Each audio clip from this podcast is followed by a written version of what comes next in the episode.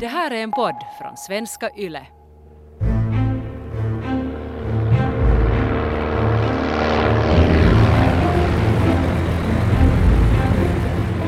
Bak i planet sitter Karl Alexander Wachter och Alexander Pylsy och väntar på klartecken från cockpiten. Vid deras fötter ligger en packning som innehåller en radioutrustning, vapen, gift och förnödenheter. Wachter kontrollerar sin fallskärm en sista gång och sneglar sen på armbandsuret. Pylsy verkar däremot försjunken i sina egna tankar. Jag ska få återse mitt hemland för första gången på över 20 år, tänker han. Återkomsten gör honom ändå beklämd. Han och Wachter återvänder inte till Finland med glädje. De har kommit hit för att mörda Mannerheim.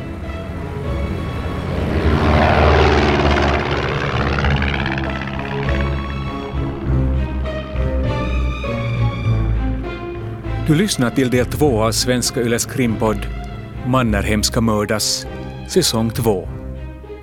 Mitt namn är Petter Lindberg.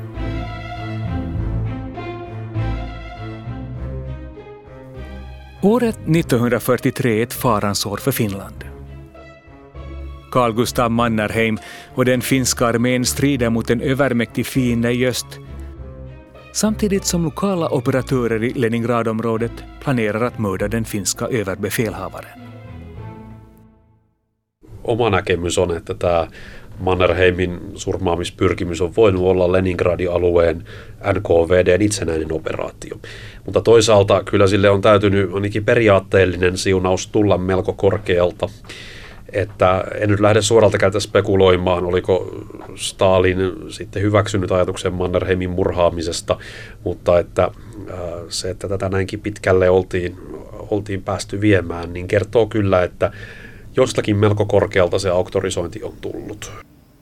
Enligt forskaren Mikko Tini kan man spåra mordplanerna till Leningrad och NKVD, det vill säga Sovjetunionens säkerhets och underrättelsetjänst.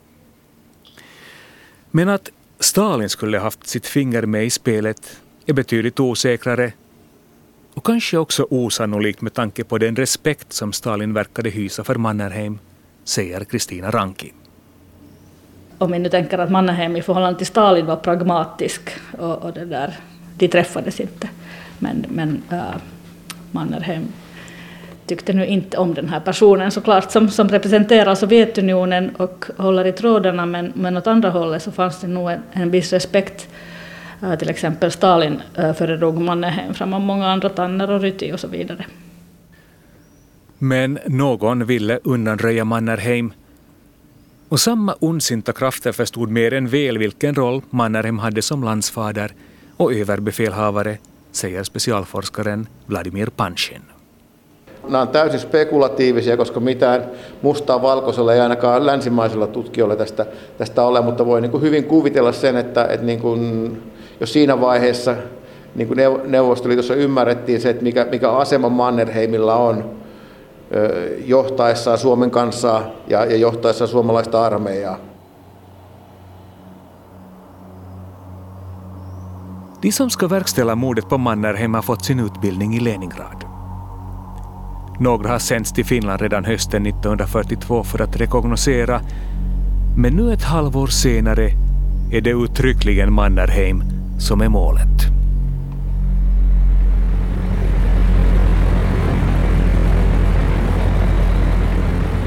Planet flyger på hög höjd.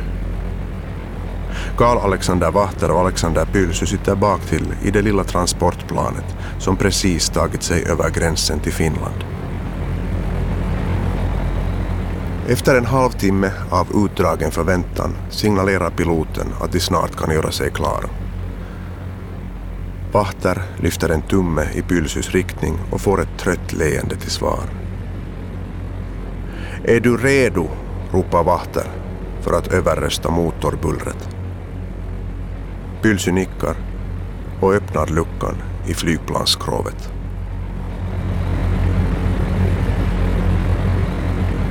Planet kretsar några varv i luften innan Vahter och därefter Pylsy kastar sig ut i den mörka vårnatten någonstans ovanför Sankt Mikkel.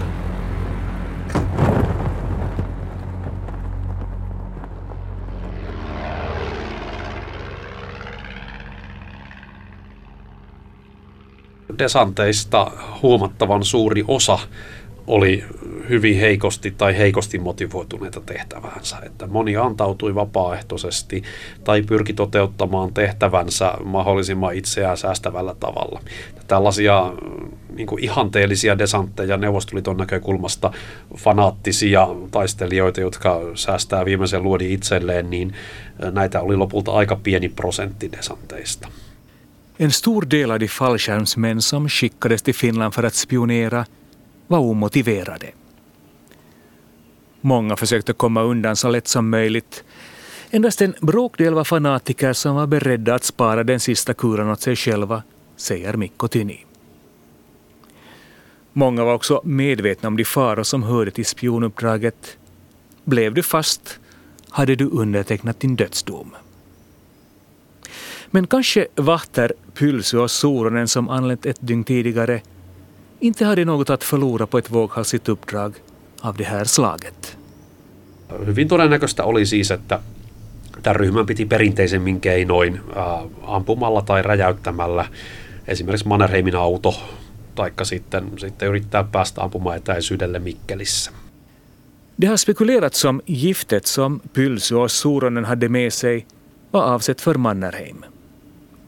Men antagligen skulle de själva inta det om de blev tillfångatagna. Ett mer sannolikt tillvägagångssätt att undanröja Mannerheim hade nog varit en bomb eller skott från nära håll.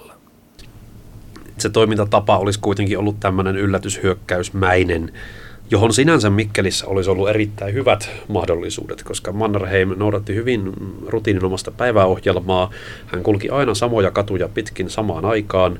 Mikkeliläisillä oli tapana sanoa, että kello voi tarkastaa Mannerheimin liikkumisen perusteella. I Sant Mikkel hade det funnits goda förutsättningar för en överraskningsattack.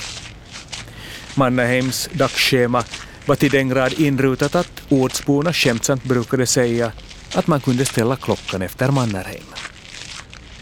Eh, Masakka liikkui Mikkelin kaduilla hyvin avoimesti, eh, käveli yleensä niin eh, päämajasta lounaalle sinne suomalaiseen klubiin ja takaisin ja taas sitten päivällisille ja takaisin ja illalla sitten myöhään teki pitkiä päiviä sieltä äh, päämajarakennuksesta asuntoonsa.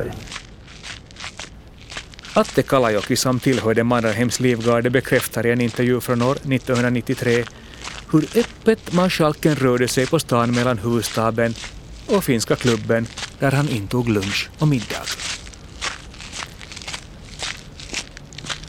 Det hade förmodligen varit ganska lätt att överlista både adjutant och livgarde med kniv eller pistol, i synnerhet som livvakterna vanligtvis befann sig på 50 meters avstånd från det objekt de var satta att bevaka.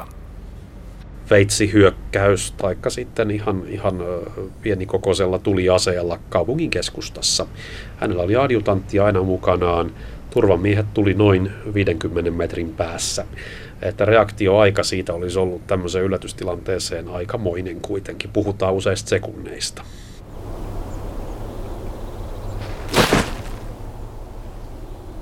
Tidigt på morgonen den 16 mars landar Karl Alexander Wachter och Alexander Pylsy i skogarna i närheten av Sankt Mikkel. Vahtar och Pylsy har haft tur. Fallskärmarna har inte fastnat i någon yvig grantopp och i den fjädrande mossan har de landat mjukt. Under tystnad sliter de av sig fallskärmarna, rullar ihop dem till ett bylte och gömmer dem i en närliggande skräva. Sen tar Vahter fram en karta och en kompass ur sin jackficka och ger tecken åt Pylsy att komma närmare. Böjda över den lilla kartan försöker de lista ut var de befinner sig. Vahter pekar på ett ställe på kartan men Pylsy ser misstrogen ut och viskar att han tyckt sig skymta randen av en sjö från luften. Vahter struntar ändå i Pylsys anmärkning och säger, utan att dämpa rösten, att de allra först borde hitta en skyddad plats varifrån de kan upprätta radioförbindelse med hemlandet.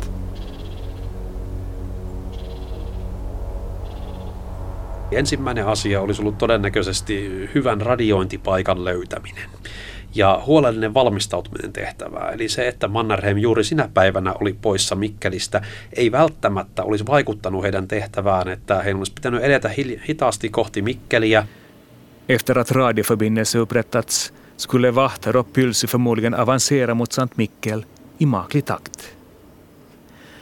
Att Mannerheim befann sig i Helsingfors den aktuella dagen var nödvändigtvis inte en missräkning, säger Mikko Tyni. Oikeastaan me ei tiedetä, milloin tämä attentaatin olisi kuulunut tapahtua. Olisiko heidän kuulunut iskeä jo samana vuorokautena, viikkoa myöhemmin, kahta viikkoa myöhemmin, niin voidaan odottaa, että tämä oli jätetty oikeastaan heidän omaan harkintaansa. Vi vet inte om attentatet skulle ske inom samma dygn eller kanske inom de två följande veckorna. Vi kan endast anta att gärningsmännen getts befogenheter att själva bestämma tidpunkten för ett tillslag mot Mannerheim. Men samtidigt som Bahter och Pylsy letar efter en plats att upprätta radioförbindelse är redan en finsk patrull i färd med att genomleta terrängen. Från ett luftbevakningstorn har man sett ett främmande plan ur vilket två fallskärmsförsedda män hoppat.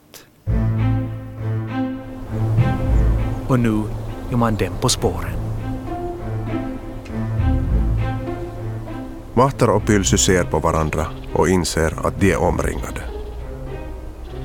Långsamt sträcker de upp händerna och låter sig infångas av den finska patrullen. Klockan 9.45 på förmiddagen har de ryska spionerna Karl Alexander Vahter och Alexander Pylsy tillfångatagits och avväpnats utan motstånd. Heidät on pidätetty aamulla 9.45, kun heidät pudotettiin ää, tuossa, tuossa niin kuin illan ja yön aikana. Tässä on mainittu pudotusaika kello 2.30, mutta sitten taas toisessa lähteessä ilmavalvontapäiväkirjassa mainitaan kello 23, että se tarkka pudotuksen ajankohta, niin se voi olla vaikea määritellä. Det råder delade meningar om när Pylsy och Vahter blir nedsläppta från ett flygplan. Men vad själva arresteringen beträffar är rapporterna entydiga om att det sker på morgonen den 16 mars klockan 9.45. Alternativen för de fängslade ryska spionerna är exakt två. Antingen byter ni sida och börjar samarbeta med oss, eller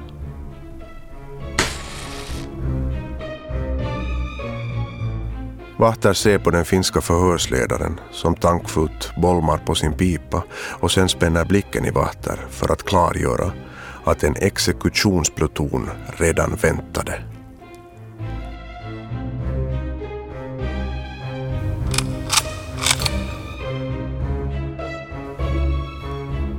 Du har hört del två av Svenska Yles krimpodd Mannerheim ska mördas, säsong två.